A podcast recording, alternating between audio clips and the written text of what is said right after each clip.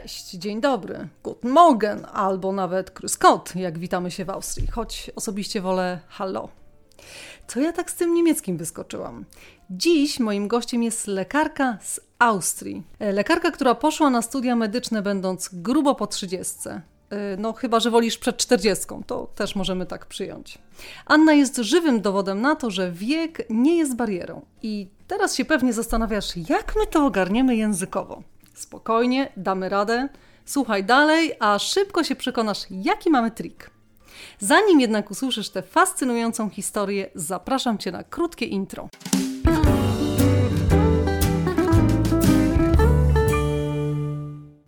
Nazywam się Magdalena Radomska, a to jest mój podcast Be a Woman.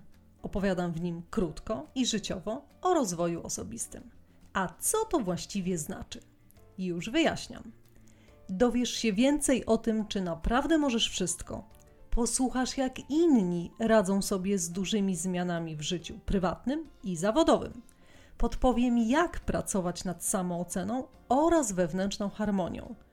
Poruszę tematy kreowania wizerunku i troski o Twoją kobiecość. Wisienką na torcie są relacje damsko-męskie. Zapraszam!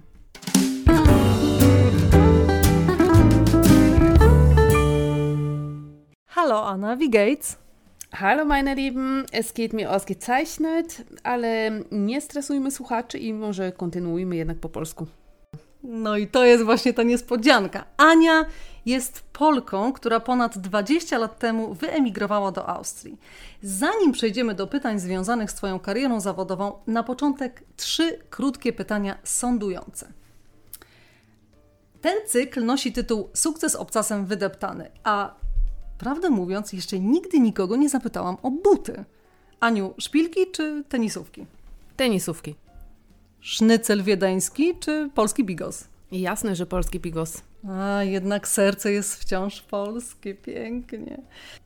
Co prawda kończysz specjalizację internistyczną, ale podczas stażu musiałaś przejść przez niemal każdy oddział.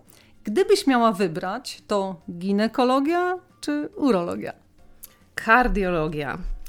Kiedyś byłam na chirurgii sercowej w ramach e, stażu i miałam okazję wziąć do ręki bijące serce. I trzymając to serce w dłoni, wyczułam e, szmer serca. Takie szmery to się właściwie stetoskopem e, wysłuchuje ale to było takie niesamowite przeżycie, że prawie się poryczałam. No takich emocji jednak nie wywiera na mnie oglądanie genitaliów. E, Aniu, co przywiało Cię do tego kraju bez morza? Wiem, że kochasz morze, więc dlatego tak piję do tego morza.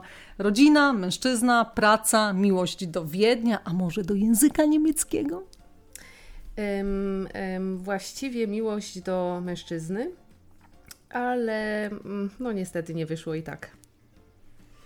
Z zawodu jesteś, e, przepraszam, byłaś pielęgniarką. Wówczas to była bardzo dobra opcja dla Polek w Austrii. Mm, praca właściwie niemal gwarantowana. Nie wiem jak teraz jest, ale te 20 lat temu zapotrzebowanie było ogromne. Na marginesie dodam, że, że gdy przyjechałam tutaj, to e, żartowałam, że to było raptem kilka lat temu. To żartowałam, że prawie każda Polka, którą e, poznaję, ma na imię Litka i jest pielęgniarką. Co musiałaś zrobić, żeby dostać się do pracy w wiedeńskim szpitalu?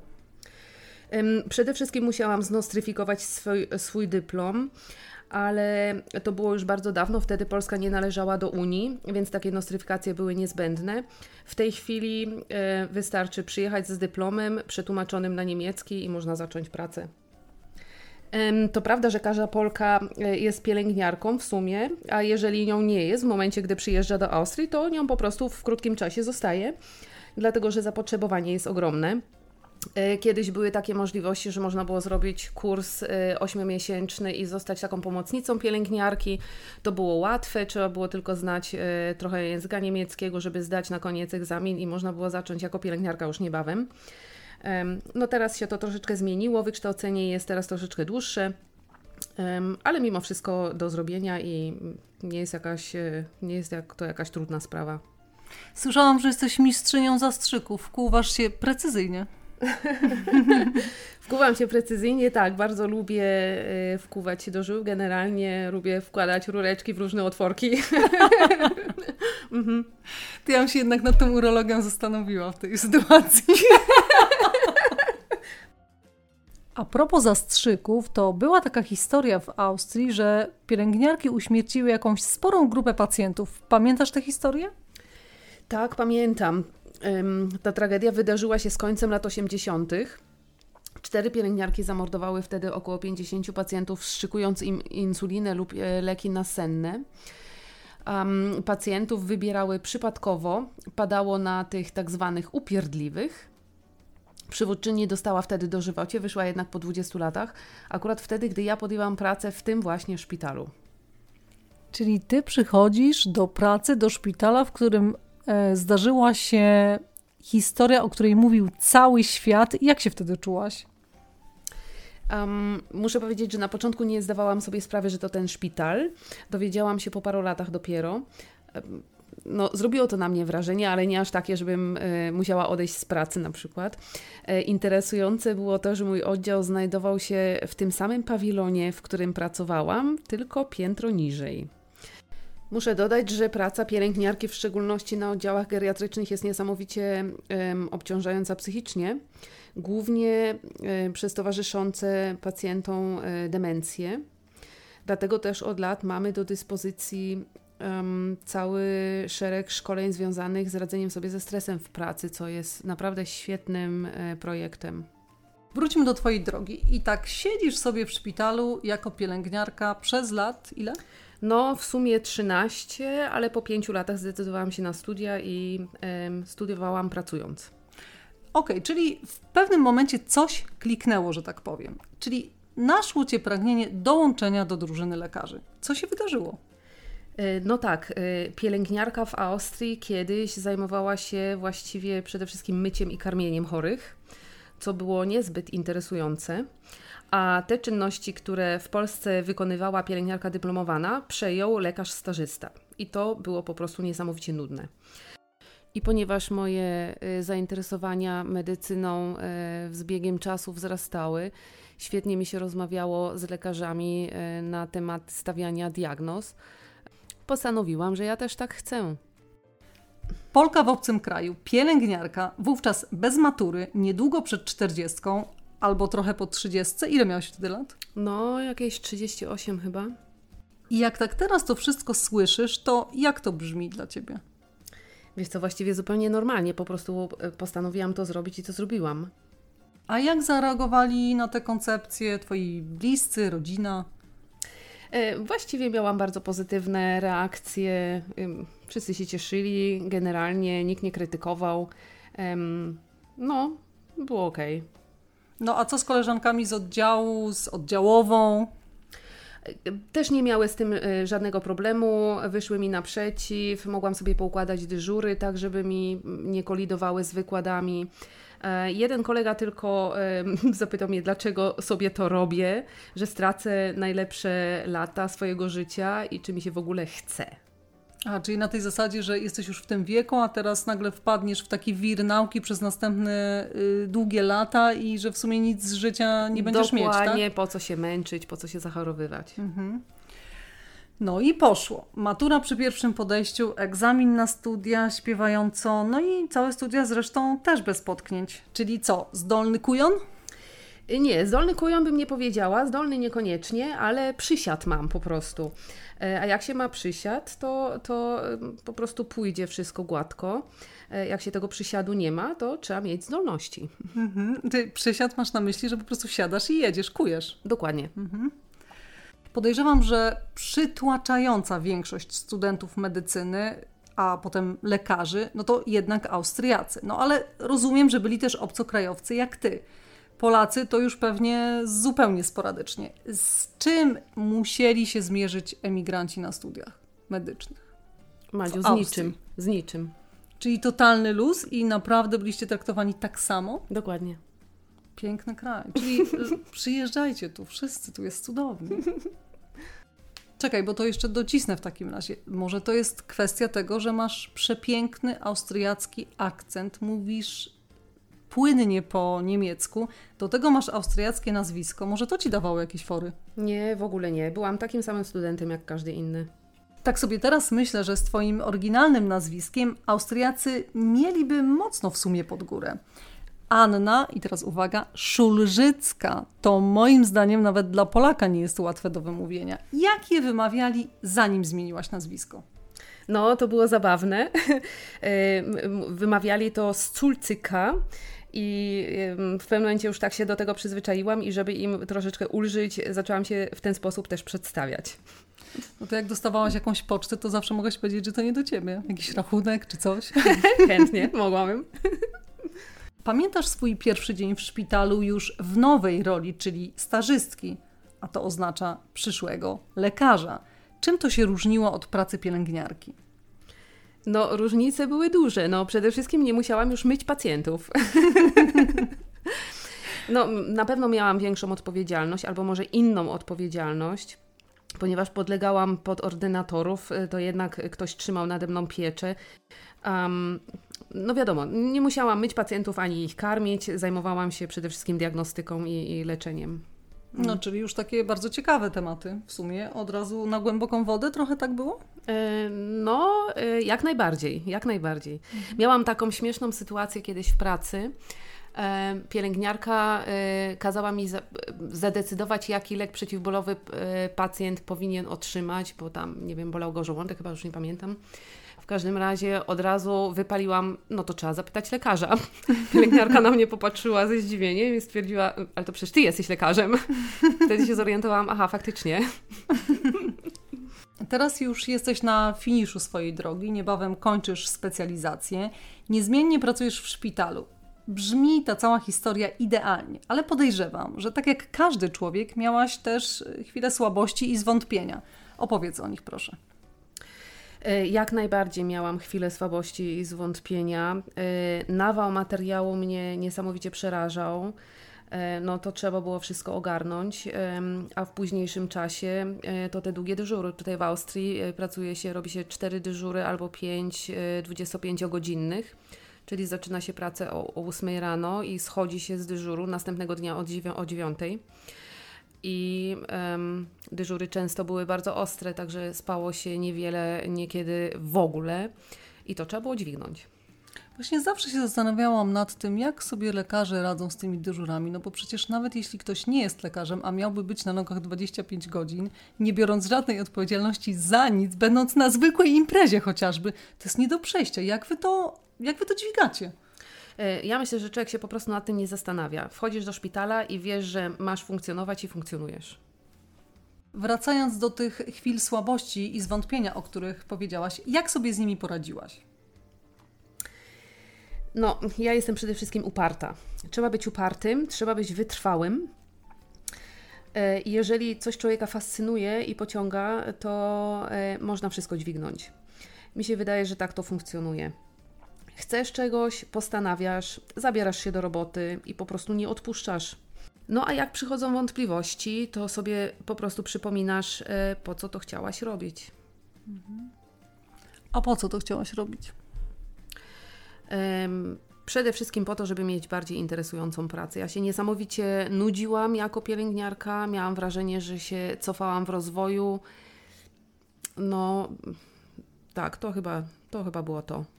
Wyobraź sobie, że jesteś słuchaczką tego podcastu i właśnie usłyszałaś historię Anny Hintemaja. Co sobie myślisz o niej? No, uparta, wytrwała i do celu. To muszę, to muszę powiedzieć, że tak dosyć oszczędnie oceniłaś panią Annę Hintemaja, bo jak ja pierwszy raz o niej usłyszałam, to po prostu za nie mówiłam z wrażenia i do dziś jestem pełna podziwu. Ale dobrze, okej, okay. skromnie, skromnie. E, ten odcinek powstał z inspiracji grupy Polki w medycynie. To tam spotkałam wiele dylematów młodych kobiet, które zastanawiają się, czy może już jest za późno na to, żeby zostać lekarzem. Co chciałabyś im powiedzieć? Definitywnie nie jest za późno. Ja nie rozumiem e, ludzi, którzy boją się z jakiegoś powodu e, wystartować z jakimś nowym projektem, no bo w sumie dlaczego? człowiek, który ma 40, czy nawet 50 lat, czy nawet 60, jest nadal w stanie nauczyć się czegoś nowego. Dlaczego nie medycyny albo czegoś innego? Obojętnie. Biorę się po prostu i robię to. I tyle. Tak jak teraz o tym mówisz, to przyszła mi do głowy Twoja mama, która wiem, że jest bardzo dynamiczną osobą mimo wieku, a jest przecież już po 70. I ona, jak coś wymyśli, to natychmiast się bierze z tym za bary i wprowadza w życie nową koncepcję. Tak, moja mama jest super. Moja mama w ogóle przyjechała do Austrii mając 46 lat. E, czyli zaczęła życie od zera. E, zapisała się na kursy języka niemieckiego, e, nauczyła się niesamowicie szybko języka. W międzyczasie zapisała się na studia, wtedy mm, w Austrii nie było w ogóle żadnych egzaminów wstępnych na jakiekolwiek studia więc e, wystarczył zwykły zapis. Zapisałaś na Kunstgeschichte, nie wiem, teraz muszę przyznać. To jest historia to jest. sztuki. A, historia sztuki, okej. Okay. I sobie po prostu słucha, e, studiowała jako wolny słuchacz, musiała zdawać też egzaminy, e, uczyła się do nich i je po prostu zdawała. Także parę lat pociągnęła te studia, nie skończyła ich co prawda, ale no owszem, w międzyczasie postanowiła nauczyć się malarstwa, bo się tym interesuje. Odpaliła YouTube'a i po prostu umie malować i maluje.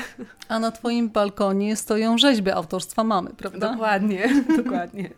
Piękny wzór. No, Jest no. kogo naśladować. Owszem, moją mamę jak najbardziej. I do dzisiaj jeszcze muszę powiedzieć tak kolokwialnie, popyla na rowerku po Wiedniu po 50 kilometrów. Jak ona to robi? No i nie tylko po Wiedniu, mama jest strasznie wysportowana, mega. Aniu, tradycją tego podcastu jest mini lista marzeń. Jestem pewna, że masz ich wiele, ale wybierz może po jednym z każdej kategorii. Kim chcesz być? O matko, e, jestem lekarzem, ale e, chyba wolałabym być reżyserem. właściwie mogłabym być też e, psychoterapeutą, chociaż właściwie może nie miałabym zbytnio cierpliwości do tego, ale temat jest bardzo interesujący. Mm -hmm, tak, ale no, wybrałabym chyba reżyserię. No to w takim razie, biorąc pod uwagę Twój upór, konsekwencje i odwagę, no to wszystko jest jeszcze możliwe. E, tak, owszem. E, miałam na przykład takie przemyślenia dosyć niedawno, zanim dostałam się na specjalizację. Myślałam, że jednak jej nie dostanę, więc szukałam jakiegoś e, interesującego hobby, czy może nowego zawodu i postanowiłam zdawać na reżyserię. Niestety albo stety dostałam jednak tą specjalizację, więc marzenia się rozpłynęły, ale kto wie? Wszystko jeszcze przed tobą. Aniu, co w takim razie chcesz robić? No, podejrzewam, że te filmy to cały czas tak, a co poza tym? No oprócz tego, że wykonywać dalej swój zawód, dosyć świeży zresztą, e, chciałabym się nauczyć może angielskiego jeszcze, włoskiego, fajnie by było. Um, chętnie bym troszeczkę więcej żeglowała. Zrobiłam patent niedawno i jakoś tak trochę cienko. Teraz e, w czasach korony to już w ogóle. No zobaczymy. Czyli ciągnie cię do morza cały czas. No, może jak najbardziej, chętnie, chętnie. Najchętniej bym mieszkała nad morzem. No to przejdźmy, skoro o mieszkaniu mowa, to przejdźmy do tematu, co chcesz mieć. Hmm, mieć to bym chciała jeszcze więcej dyscypliny, jeszcze troszkę lepszą organizację, ale to są książki do tego. Właśnie jestem w trakcie czytania i polepszania swojej organizacji. Um, właściwie mam wszystko, czego potrzebuję, ale wolności nigdy nie za wiele. W dzisiejszych czasach dyktatury to rarytasik. Także tak, wolności. Wolność chcę mieć przede wszystkim. I dużo, dużo kochanych, ciepłych ludzi wokół siebie. Aniu, i taka wisienka na torcie. Z jakim zagadnieniem najchętniej poszłabyś do coacha? Do coacha. Hmm. Najchętniej poszłabym do coacha po to, żeby nałożył mi dyscypliny do głowy łopatą Um, bo to jest tak, y, bardzo chciałabym y, się więcej ruszać, jakoś tak zasztywniałam w ostatnich latach. No i fajnie jest też być sprawnym fizycznie i sprawnym umysłowo, a to sport gwarantuje przecież i generalnie to takie fajne uczucie.